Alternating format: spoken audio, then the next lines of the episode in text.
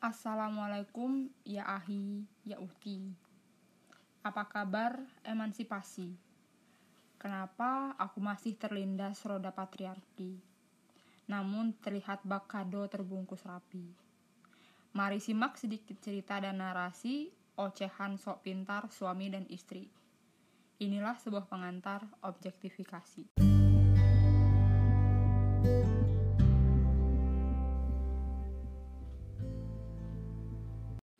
Assalamualaikum warahmatullahi wabarakatuh. Saya Pit.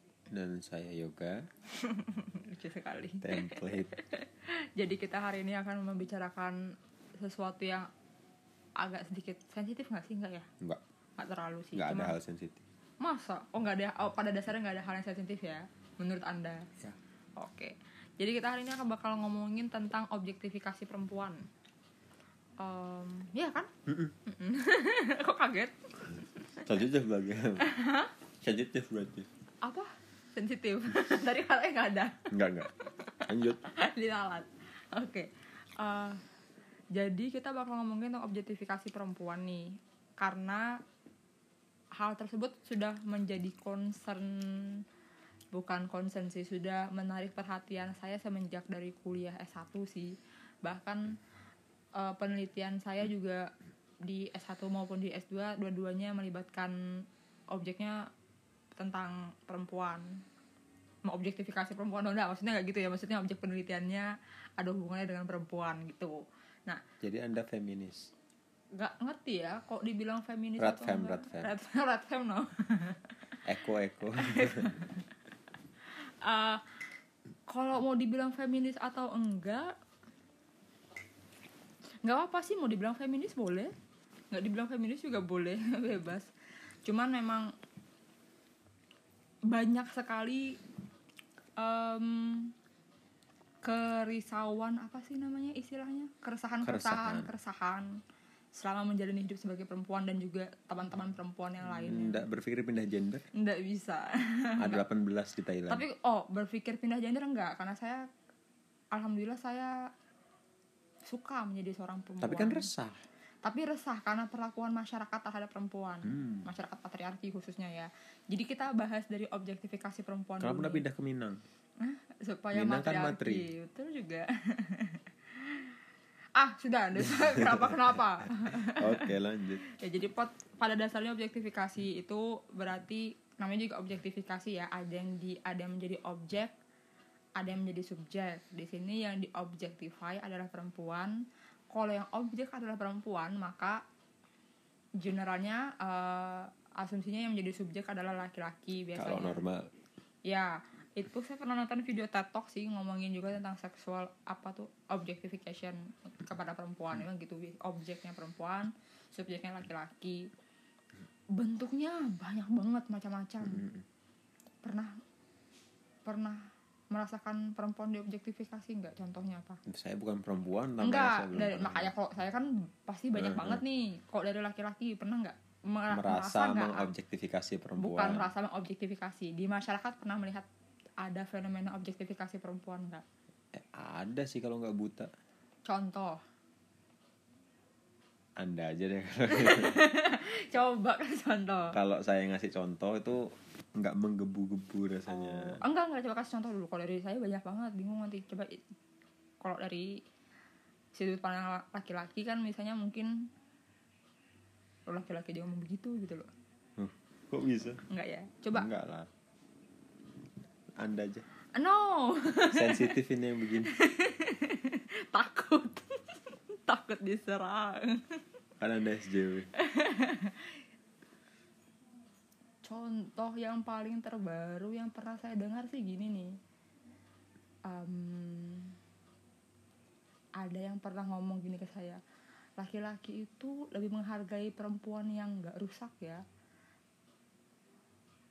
Begitu mendengar itu saya langsung teng. Perempuan yang nggak rusak. Ya maksudnya definisi apa perempuan yang nggak rusak kenapa perempuan bisa rusak? Bisa rusak gitu kan tempat servisnya di mana Iya, kamar servisnya di mana? I know right. Maksudnya kenapa perempuan bisa rusak? Kalau misalnya memang merasa dirusak, kenapa?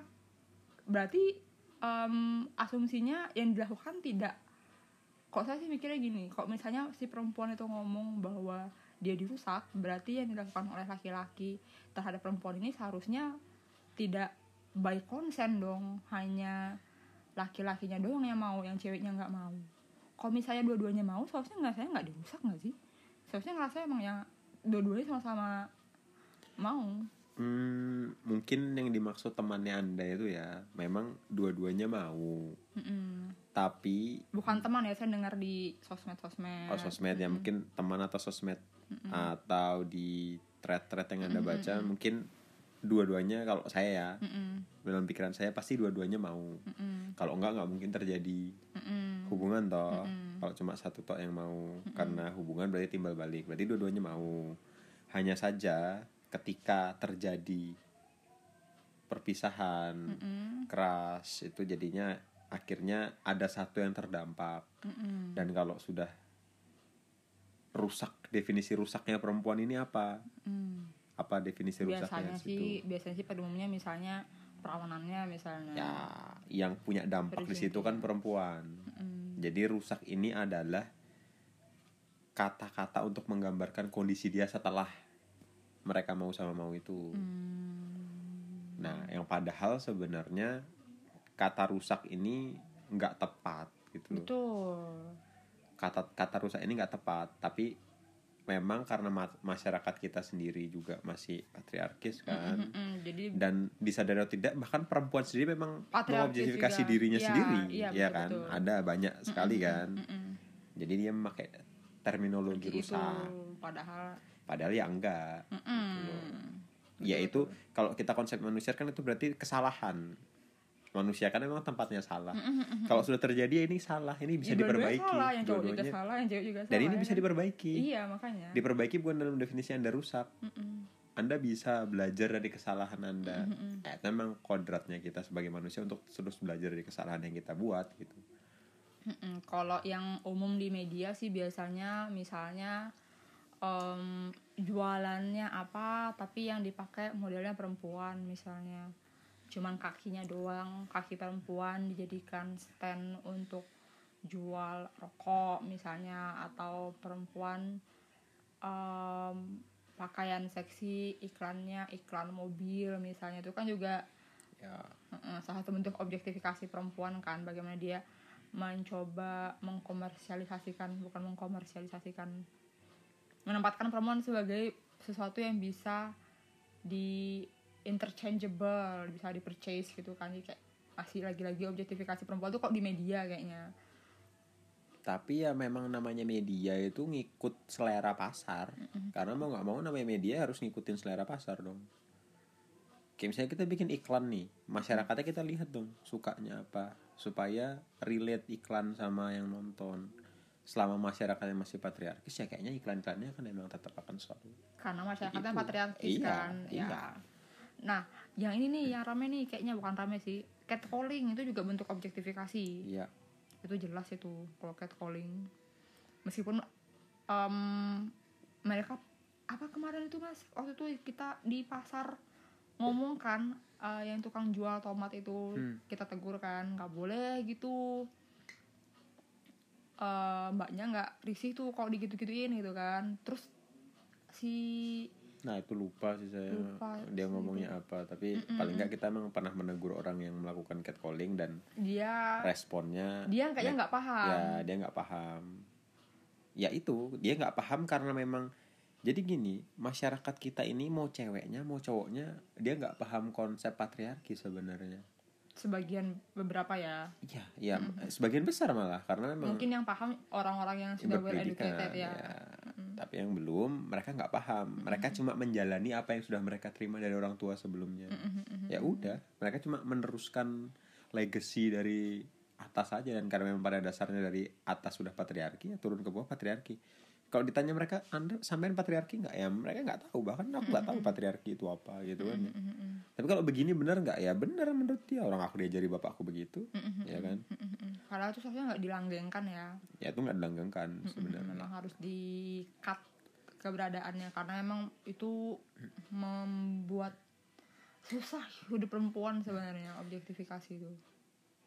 itu kan anda concern di ini ya uh, di masalah perempuan ya itu kayak apa sih asal muasalnya kenapa bisa timbul patriarki Oh, eh pernah baca deh yang tapi lupa. Kayaknya ada hubungannya dengan masalah itu deh, masalah yang em, vagina di penetrasi penetrasi itu. ya jadi Ada. jadi jadi jadi kan jadi itu itu kan kenapa itu kan sebenarnya alasannya kenapa perempuan jadi second class ya maksudnya karena eh, laki-laki itu punyanya penis maaf ya ini tidak disensor dan wanita itu punya vagina.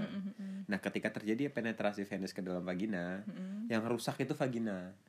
Bukan sebenarnya nggak rusak sih, maksudnya kayak yang ada mengalami perubahan. Iya, mengalami perubahan yang definisinya yang rusak itu vagina.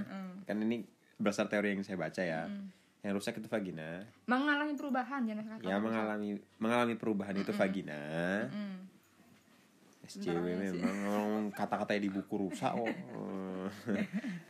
mengalami perubahan itu vagina karena dia berdarah dan mengalami perubahan bentuk.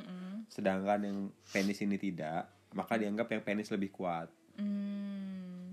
ya kan? Mm-mm. Nah, yang zaman hukum rimba yang kuat Yang yang memimpin. Mm-mm. Sekalinya ditentukan dari kekuatan. Kenapa ya? Karena memang kita butuh orang yang kuat untuk bisa bertahan hidup. Mm-mm, ya toh, dulu. zaman dulu. Mm-mm. Nah, apakah sampai sekarang itu masih relevan? Nah, itu yang kita perlu bahas gitu loh. betul betul betul Em, sama ini juga sih biasanya porn industri porn. Itu juga sebenarnya saya nggak ada beberapa beberapa orang yang bilang. Itu kan haknya dia toh untuk eh, menjual tubuhnya. Cuman kok saya saya nggak setuju sih. Maksudnya porn itu betul-betul jenis objektifikasi perempuannya sangat nyata. Dia mengkomersialisasikan perempuan di situ.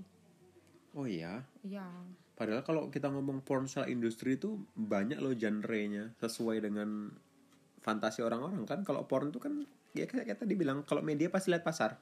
ya Eh, LGBTQ ada Ya. pornnya. Mm-mm. Kalau misalnya yang pas homo ya laki-laki lah tapi emang sebagian besar perempuan toh Ya karena emang masih banyak yang straight.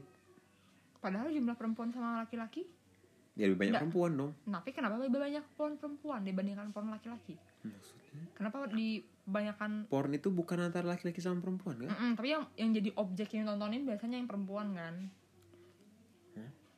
Iya nggak sih? Nggak pernah lihat, Biasanya gitu nggak sih? nggak pernah nonton.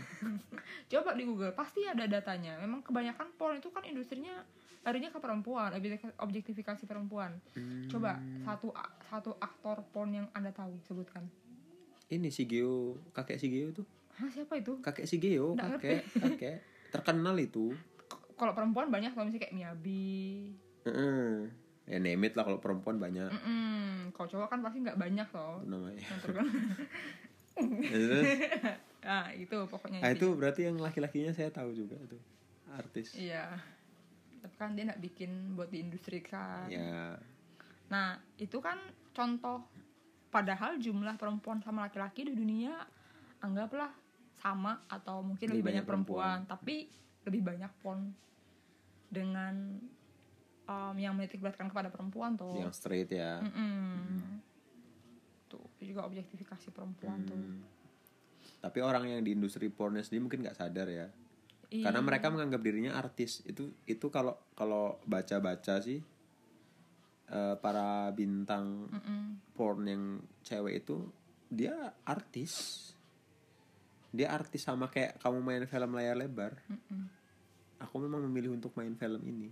Oh iya, ada yang pernah kalau misalnya kalian pengen lihat um, insight yang lebih sih itu biasanya dokumen bukan dokumenter interview Asian Boss juga pernah ada interview Asian Boss ke salah satu aktris Terus porn kan terus dia bilang ya itu emang dia sudah konsekuensi pekerjaan gitu kan dia memang mengambil pekerjaan itu nah ketika ditanya kok misalnya anakmu mau menjadi aktris porn juga gimana dia bilang dia tidak boleh kan oh kenapa?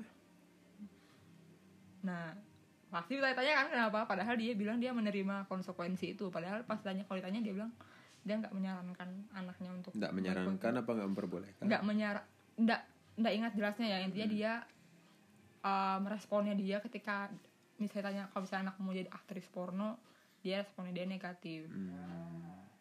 Dia nggak yang boleh katanya. Nanti aku ajarin itu enggak Hmm. gimana menurut anda?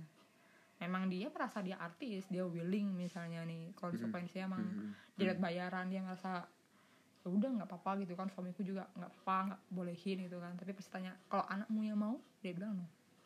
Hmm. kecuali mungkin anaknya sudah cukup umur dan memilih kali ya sudah cukup umur dan memilih pun dia tetap bilang dia No. tidak merekomendasikan. Hmm. Hmm. berarti mungkin dia tahu suka dukanya kali di industri itu ya? Tapi mungkin dia tidak punya better option. Ya untuk saatnya mungkin dia nggak punya better option. Jadi kayaknya mungkin kalau dia jadi orang tua dia akan memberikan chance untuk anaknya yang punya better option kan? Supaya nggak menjadi artis porn gitu kan ya. Ya industri porn itu sendiri kayaknya emang tidak ramah juga sih pada pada perempuan kayaknya. Kayaknya ya Hmm, mungkin ya. Mungkin. Seharusnya sih begitu sih. Kalau misalnya mau berani coba mana HP HP HP aduh HP mana lagi? Gak usah pakai HP kalau berani apa? Kita Google cari data industri porno ramah apa enggak sama perempuan? Berani taruhkan pasti kebanyakan penelitiannya bilang tidak ramah pada perempuan. Hmm, sebenarnya nggak ramah ke semuanya sih kalau industri porn itu. Apalagi ke perempuan ya pasti nggak ramah lah. Iya itu kan menunjukkan bahwa sebenarnya ya perempuan juga dirugikan di situ. Cuman terus berjalan karena demand. Ya karena demand dan banyak juga yang mau.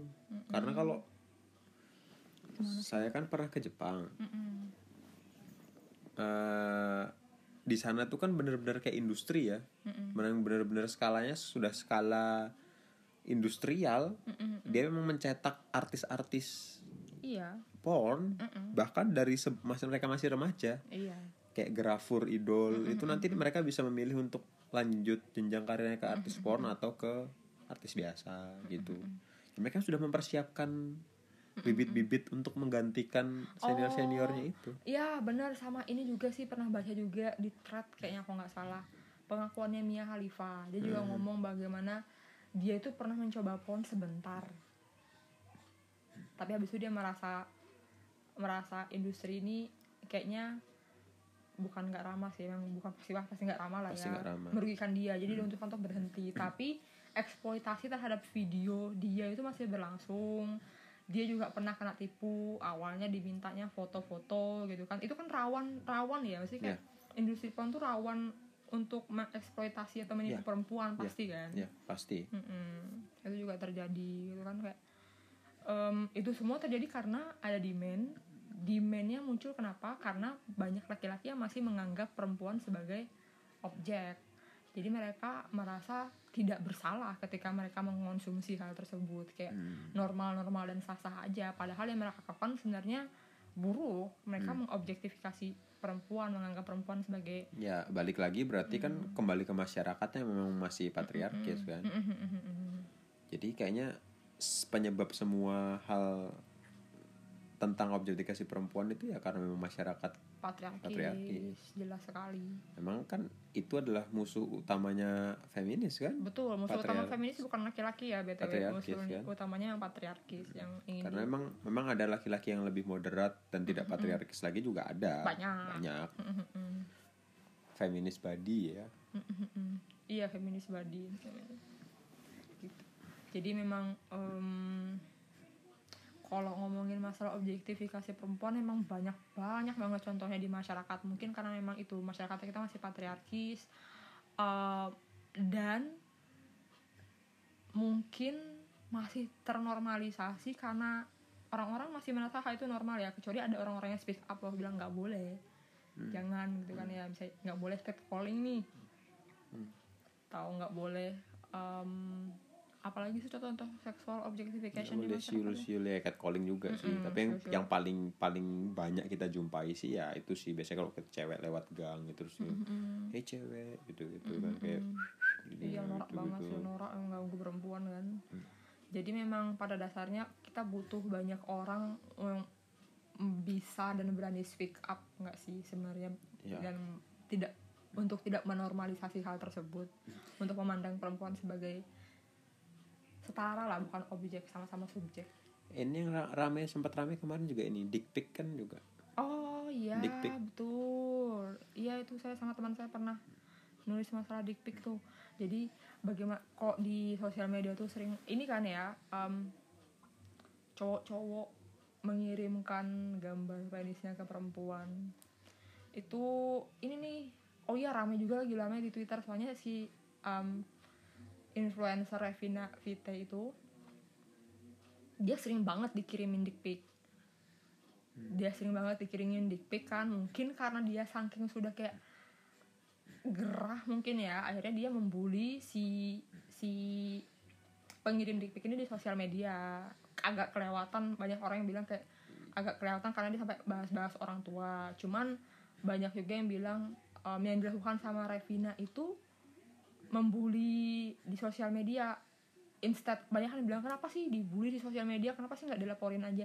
Permasalahannya adalah kalau dilaporkan tidak akan diurus karena dia sudah pernah juga menguruskan. Dan banyak testimoni testimoni perempuan yang lain emang emang susah. Jadi salah satunya satu satunya alternatif mereka ya dengan dick shaming. Iya dick shaming ke cowok itu membuli di sosial media. Kalau pelit menurut penelitian dick shaming itu efektif nggak sih? Enggak enggak efektif. Jadi kalau waktu saya teman-teman saya sebenarnya teman saya yang duluan nulis ini di Magdalene tentang dick pic itu Um, terus kami berdua terusin jadi tulisan juga dan kami mikirnya dick shaming ini sebenarnya malah memperkuat maskulinitas laki-laki. Yes itu yang saya Gitu. maksud. Maksudnya dengan dengan membuli dengan men-shame shame-nya dia itu justru malah Mm-mm. stance-nya maskulin lebih jadi lebih terasa gitu Uh, uh, uh. emangnya berarti emangnya kalau besar Hmm, boleh boleh ya ya kan Padahal kan nggak gitu ya mau Iya. besar mau kecil emang nggak boleh Kok- tapi kalau hinaannya hanya kepada ukurannya doang kayak titik kamu kecil nih misalnya itu kan jadinya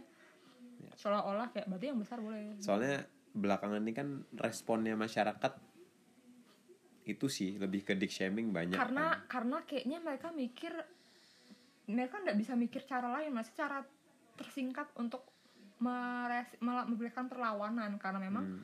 negara atau institusi um, polisi nggak bisa membantu. Sebenarnya kalau kayak gini larinya nggak ke polisi nggak sih? Anda harus konsultasi sama DKP 3A dulu nggak sih? Kenapa? Iyalah karena ini kan fenomenanya menyangkut perempuan. Hmm, jadi anda harus diskusikan dengan lembaga yang fokus concern ke perempuan dulu. Terus? Baru nanti mereka yang akan mengusulkan untuk menjadi ini menjadi itu kan nanti urusannya Hmm. internal itu. Ah panjang banget men. Nggak mudah dong. At least ada pergerakannya dong daripada ada cuma dick shaming.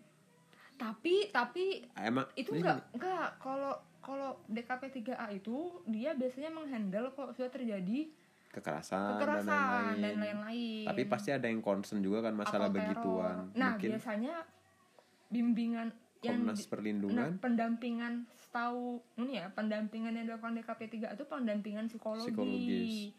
bukan ke pelaku. Pendampingannya ke psikologis lebih ke korban supaya korbannya Hmm, bisa recover. Tapi kan kalau cuma recover doang sebenarnya nggak nggak ini nggak sih?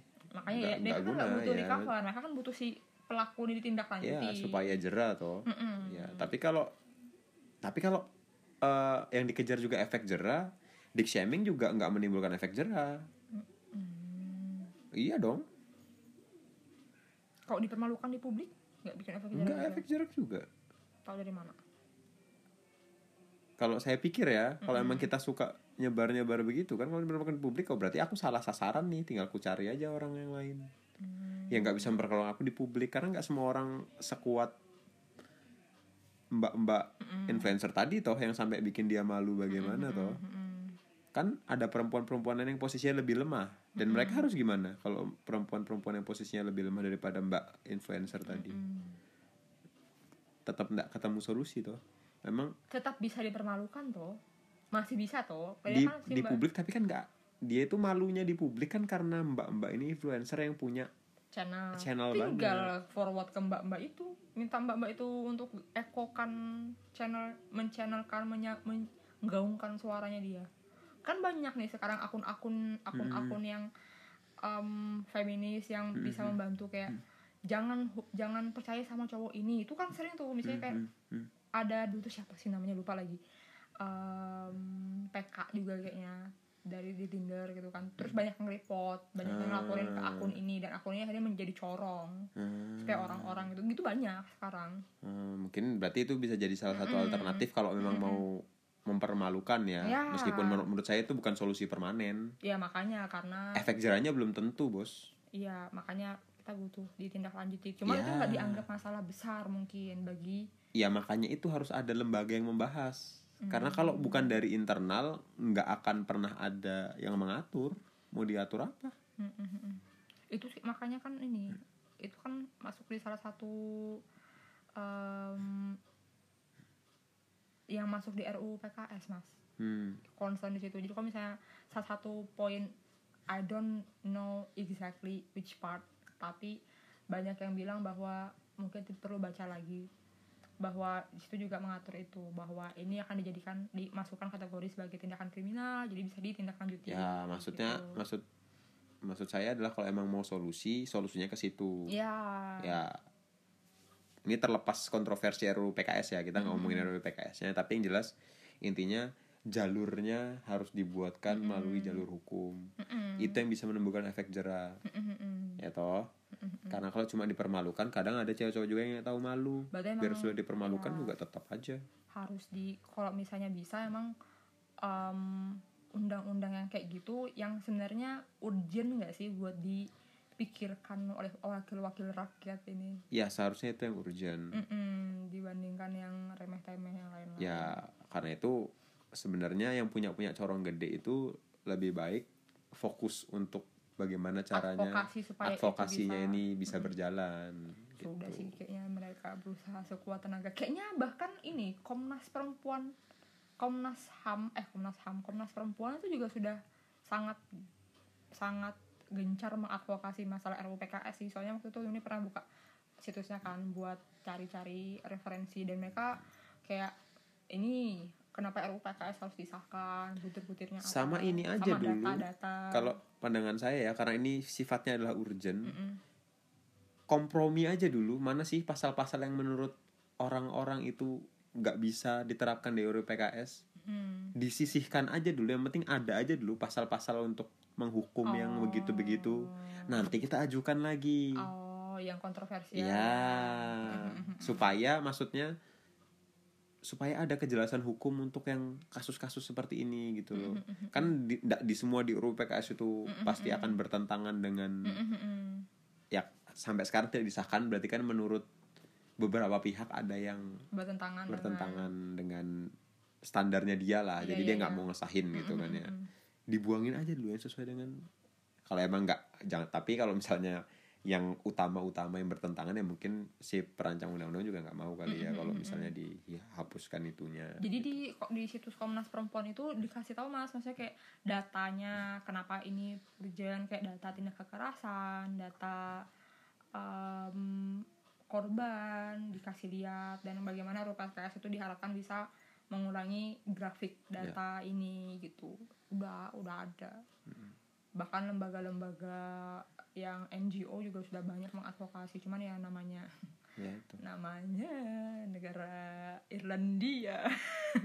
Tapi ya memang itu. Berarti ada ada ada ada poin-poin tertentu yang memang tidak bisa kalau mereka sahkan toh. Mungkin entahlah itu apa ya. Jadi mungkin harusnya sih mungkin ya supaya yang kayak gini nih bisa diatur dengan lebih jelas kompromi aja dulu. Nah, jadi maksudnya eh, ini ngalor ngidul ke mana-mana ya. Cuman maksudnya adalah kalian bisa bayangin nih dari hal-hal sesimpel em, proyeksi objektifikasi perempuan di media yang akhirnya tertanam di alam bawah sadar banyak orang itu bisa berdampak seserius itu loh kok misalnya kita Ya, sebenarnya tadi ngomongannya nggak ngalur ngidul emang itu emang bener ya menga- domino effect Iya, kan iya, dia domino effect. Iya, jadi jadi em, ketika kita mendiamkan bentuk-bentuk objektifikasi perempuan, catcalling contohnya.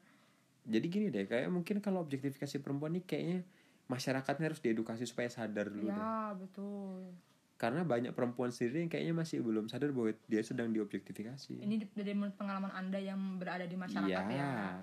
Hmm, Contohnya mereka nggak sadar gimana? contohnya ada orang yang perempuan yang bangga kalau dia di catcalling Oh iya, betul. Ya. Karena karena menurut dia berarti aku seksi berarti aku Hmm, cantik. berarti aku cantik dan menarik makanya dia catcalling aku Mm-mm, mm-mm. Dia- Berarti dia menaruh value-nya dia di um, di kecantikannya dia di Iya. badinya dia. jadi dia memang memang ya ya dia memang ob- objektifikasi dirinya sendiri kalau bisa dibilang kan ya. Instead of Instead of dia marah Iya, harusnya iya, karena iya. dia je- diobjektifikasi kan. Tapi dia nggak sadar kalau itu yang namanya konsep objektifikasi. Bagaimana sebenarnya dia bisa menggunakan em, tubuh dan sumber dayanya untuk hal-hal yang lebih eh, enggak digunakan juga nggak Nggak apa-apa tapi jangan di catcall Iya. betul betul betul betul. Maksudnya dia sadar aja dulu. Nggak digunakan nggak apa-apa bahwa si laki-laki itu merasa lebih kuat daripada dia sehingga merasa berhak Iya. untuk mengcatcall. Dari catcalling berujung ke harassment berujung ke pemerkosaan berujung ke yang sending-sending dik-dik tadi rentetannya banyak mulai dari hal kecil. Iya. karena hal-hal kecil tersebut dinormalisasi. Iya tapi kayaknya masyarakat sudah mulai progresif sih mas. Maksudnya kemarin sempat ada kasus ini kan um, selebgram tiga orang cowok yang dia mengseksuali mengseksuali harass um, viewernya di IG live. Ada kan yang waktu itu diceritain Hmm. kan mungkin kalau dulu mungkin orang-orang kayaknya nggak begitu gimana ya. Cuman karena masyarakat sudah mulai progresif progresif dan menilai menilai hal itu adalah "Oh, kenapa ini orang ini menseksual melakukan seksual harassment di publik kan? Hmm. banyak yang speak up alhamdulillah banyak yang speak up ya. Jadi akhirnya orang itu minta maaf menyadari bahwa itu hal yang Ta- salah. tapi jangan lupa loh kalau orang netizen itu rata-rata diisi oleh orang-orang yang sudah well educated. Oh ya betul netizen itu rata-rata minimal anda SMA, SMA Mm-mm. itu anda baru biasanya orang yang main sosial media di sekitaran umur itu. Atau orang-orang yang tua banget. Tapi yang nggak tersentuh itu yang di grassroots level ya Iya, yang kayak di justru grassroots di, le- di pasar yang kayak penjual tomat itu. Dia nggak dia nggak ngerti dia nggak ngerti dia nggak ngerti bahwa tindakannya membuat perempuan tidak Iya. nyaman. Tapi dia tetap melakukan karena dia merasa kan namanya juga jualan katanya nawar-nawarin Iya, Itu nggak sih, nggak tahu lah pokoknya mungkin aja alasannya mungkin aja begitu gitu tapi cuma cewek yang ditawarin kan ya menurut Ngana. Gitu. Ya dan intinya menurut dia memang itu nggak salah. Dan mungkin menurut bapaknya dia itu juga tidak salah. Iya betul menurut kakeknya dia juga mungkin itu tidak salah kayak apa ya kalau mengedukasi grassroots level itu ya ya memang harus ada gerakan untuk ke grassroots level. Nggak cuman bergerak di sosial media ya. Iya. by the way by the way dunia itu nggak cuman sekedar Instagram Facebook WhatsApp ya teman-teman. Di Iya. masyarakat kita itu kayak dulu saya masih dulu saya sering nggak paham nih kenapa sih orang-orang tuh nggak mau pakai masker? Kenapa sih orang-orang tuh nggak mau divaksin? Ternyata emang karena mereka yang kayak contoh-contohnya orang-orang di pasar lah paling gampang ya mereka nggak paham. Ya emang nggak paham. Makanya itu saya bilang kalau memang eh, tinjauan progresifnya adalah dari sosial media Iya. set dulu. Hmm. coba anda lihat ke bawah dulu. Hmm. Itu karena dunia sosmed sama dunia realita ini beda jauh iya, gitu iya, loh. betul-betul. Penggunanya tuh kita harus tahu dulu pengguna. Kalau kayak ibu aja misalnya dia nggak bisa pakai Instagram. Dia nggak akan bisa ngasih tahu ya menjulit up. si pelaku yang tiga tadi itu toh. Mm-mm.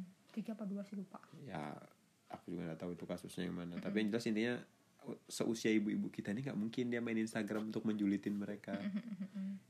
Dia bisa explore aja alhamdulillah gitu kan ya. betul-betul. Jadi mungkin bisa dimulai dari diri sendiri. Yang sebenarnya diri sendiri dan keluarga sih. Kasih tahu aja orang-orang terdekat anda iya betul-betul. Tentang mas dulu konsep. waktu sebelum kenal sama Nuni berani nggak nagur-nagur orang yang catcalling gitu? Pernah berani. kepikiran nggak nagur Oh, sudah melakukan. Oh sudah. Oh, alhamdulillah teman alhamdulillah teman-teman mas di Malang sih lumayan lah ya. Mm-mm. yang ceweknya juga cuawaan gitu maksudnya dia emang nggak mau di nggak mau dijadikan second class gitu. Dia maunya juga mungkin dia alpha woman kali ya. Mm-mm, bisa jadi. Ya jadi memang bagusnya gitu sih memang kadang-kadang memang kayak em, pembicaraan di dalam apa sih istilahnya dulu Donald Trump itu loh yang suka ngomongin merendahkan perempuan gitu. Closet talking apa lupa terminologinya apa. Kadang-kadang sesama laki-laki itu gitu dia malah mengobjektifikasi perempuan dan ketika ada yang sadar dia mereka nggak berani ngomong. Bahwa eh nggak boleh tuh gitu itu mengobjektifikasi perempuan. Perempuannya ngerasa nggak nyaman. Kadang-kadang ada yang tahu cuman nggak berani ngomong karena takut dianggap nggak asik sama teman-temannya. Hmm. gitu. Itu dari menurut teori yang dibaca. Ah. di buku dan mungkin itu bener sih berlaku sih itu kayaknya.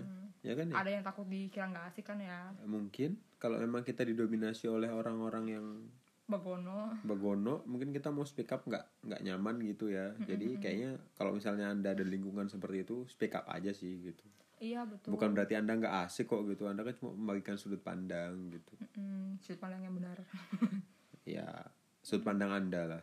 Benar atau salah kan nanti kan kembali ke Benar. lah. value nya orang ya. Oh. bagi orang yang belum tahu ini pasti salah dong. Ya makanya harus dibenarkan toh. Sudut pandangnya dia enggak menurut dia benar tapi menurut standar moral yang betul salah kan? Iya, dia. kan ada tapi- standar moral yang betul nih tapi kan dia dia tidak mungkin mendebat teman-temannya. Oh, iya, dia paling sih. bisanya cuma ngasih tahu dan mengadvise aja. Dia nggak mungkin sampai fight kan buat itu. Tapi paling nggak temannya tahu itu sudah lumayan. Paling nggak temannya ada bahan perenungan gitu loh maksudnya. Oh, Mm. iya kak bener kak. Aku ini sedang mengobjektifikasi perempuan misalnya. Betul betul iya tuh toh? dulu juga Nuni pernah gitu tuh di kelas waktu masih ngajar di SMA satu kelas tak ceramahi tak kasih tonton video TED itu karena mereka mungkin nggak paham kali ya. Em, ketahuan ada anak yang suka nyimpan bokep di HP kan ngerti juga kenapa tuh kok tiba-tiba bisa guru bisa tahu ya. Ya Entah razia ada yang kali. razia. tapi biasanya guru razia nggak buka-buka HP sih. Mungkin ada yang lapor kok Hmm. merasa. Akhirnya baru dicek gitu kan baru kasih tonton bagaimana bahwa sebenarnya industri itu mengobjektifikasi perempuan dan saya jelaskan kenapa baru Hmm. kasih tonton videonya kan. Terus mereka yang kayak oh oh gitu ya miss. Ya iya gitu. Tapi kan mereka sudah usia SMA atau maksudnya Iya. usia yang sudah bisa memproses hal tersebut. Ya bisa. Sebenarnya seharusnya lebih bagus lagi hal itu ditanamkan Dari sejak mereka cilik. kecil. Iya betul. Supaya seperti yang mereka tidak sadar bahwa mereka sedang mengobjektifikasi perempuan mereka secara tidak sadar juga akan menempatkan diri mereka bukan sebagai objek gitu loh maksudnya Mm-mm. biar aja Oh, itu berjalan betul. secara alami Mm-mm. Nah, eh, jadi ketika mereka, misalnya nih, ketika perempuan pun misalnya dia berdandan atau memperbaiki penampilannya itu bukan demi mengattract, meng- menarik perhatian laki-laki, Iya. tapi karena dirinya sendiri. oh iya Mm-mm. Karena kan kebanyakan kalau misalnya perempuan yang biasanya mengobjektifikasi dirinya sendiri, dia menempatkan dirinya sebagai trofi. Jadi dia Hmm, mencoba. Kayak misalnya aku coba dandan supaya pacarku suka. Supaya banyak orang yang suka sama aku. ya yang lebih rate pacar sih biasanya Iya. kan ya supaya pacarku suka. Enggak deh, enggak gitu konsepnya, gitu gak sih? Ya, Iya, supaya banyak orang. pacar kan orang lain juga. Iya, intinya sebenarnya dia berdandan kan untuk dirinya sendiri toh.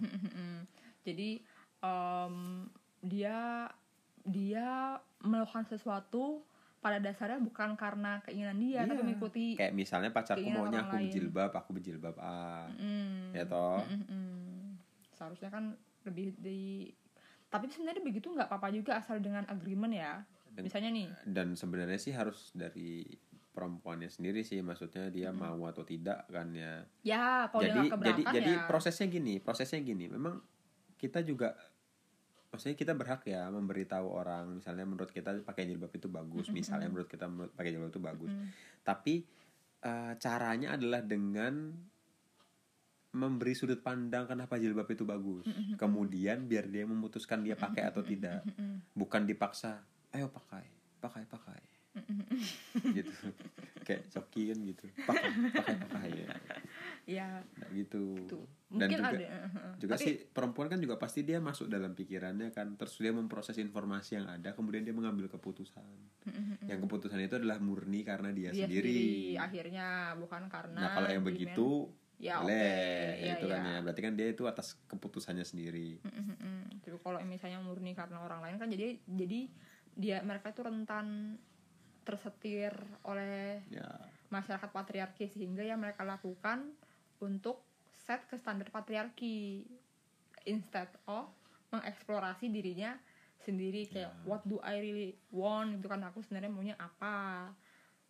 Dibandingkan mikirin kira-kira orang masyarakat ini sukanya yang seperti apa Hmm. gitu lebih mandiri nggak sih gitu kan jadinya? Ya kalau kalau kalau begitu emang pasti jadi lebih mandiri sih. Mm-mm. karena memang patriarki kan menempatkan perempuan bukan di pihak mandiri. Betul-betul di Jadi pihak dia- yang bergantung. Uh-uh, jadi dependen dia ya, ya. Hmm, bukannya independen kalau misalnya sudah setara kan pasti jadi sama-sama independen ya. toh betul, Iya. betul, betul. setuju. Udah lumayan lama nih kayaknya bisa kita akhiri daripada orang lelah mendengar. Allah mendengar ocehan tidak mungkin ada yang nggak setuju ya tidak apa-apa. Tidak apa kan memang kami tidak memaksa orang-orang untuk setuju. dan tapi memang kalau emang anda nggak setuju boleh kok kalau misalnya pengen ngechat atau mau DM boleh. Boleh kenapa anda tidak setuju? Mungkin kita bisa bertukar pikiran. Iya bertukar Ya, pikiran ya bukan berkelahi. Iya bertukar pikiran ya. Maksud saya menyampaikan pendapat saya anda menyampaikan pendapat anda. Ya ujung-ujungnya ya agree to disagree maksudnya ya sudah kita sama-sama sepakat untuk tidak sepakat aja Iya, gitu kan ya. betul-betul. kalaupun akhirnya tidak tercapai kesepakatan. Tapi yang pasti yang pasti kami yakini adalah bahwa em, tidak seharusnya perempuan diperlakukan sebagai, Sebagai objek, dan dunia seharusnya bisa menjadi tempat yang lebih ramah terhadap perempuan. Dan tidak juga maksudnya kita karena bukan perempuan objeknya berarti laki-laki objeknya. Nggak gitu, gitu. juga. Maksudnya laki-laki dan perempuan itu harus Sama-sama setara subjek, ya. dalam hal kesempatan misalnya. Jadi mereka pribadi atau individu yang benar-benar setara. Iya gitu kan. betul-betul. Masalah nanti bagi tugasnya laki-laki yang tetap yang kerja atau yang perempuan tetap memutuskan di rumah ya itu nanti ya kesepakatan dan pilihan perempuan sendiri gitu ya. Bukan bukan bukan bukan itu karena turunan nenek moyangku dari dulu aku memang di dapur terus aku akhirnya iya di dapur. Iya, iya, iya, betul. tapi memang aku di dapur karena memilih aku di dapur itu nggak masalah. Aku tahu ada opsi lain. Iya. aku bisa mengambil itu Iya, tapi, tapi, aku, nggak mau di dapur. Ya Iya. nggak apa-apa. Berarti kan chance-nya udah terbuka tapi dia tetap ti- mau tinggal di dapur ya itu nggak apa-apa. Itu bi- itu tidak bisa juga dibilang anda diobjektifikasi. Kalau itu anda kan secara sadar memilih. Meskipun ada lagi loh yang membantah teori itu sebenarnya. Itu namanya apa? Situational oppression apa? Tapi nanti kita bahas nanti aja kali ya. Nah, boleh. Ini kan perlu masih saya baca lagi juga itu. Dan lagi ini masih pengantar lah masalah objektifikasi. Sebenarnya ini istilahnya kalau misalnya orang-orangnya part satu mungkin ini masih pengantar lah kita belum ngob- banyak banget. kita belum ngobrol lebih dalam kita baru bahas contoh-contoh ya kan? Mas- bahkan masih belum belum belum menyentuh ke teori. Iya betul betul baiklah kalau gitu sekian dari kami. Assalamualaikum warahmatullahi wabarakatuh. Waalaikumsalam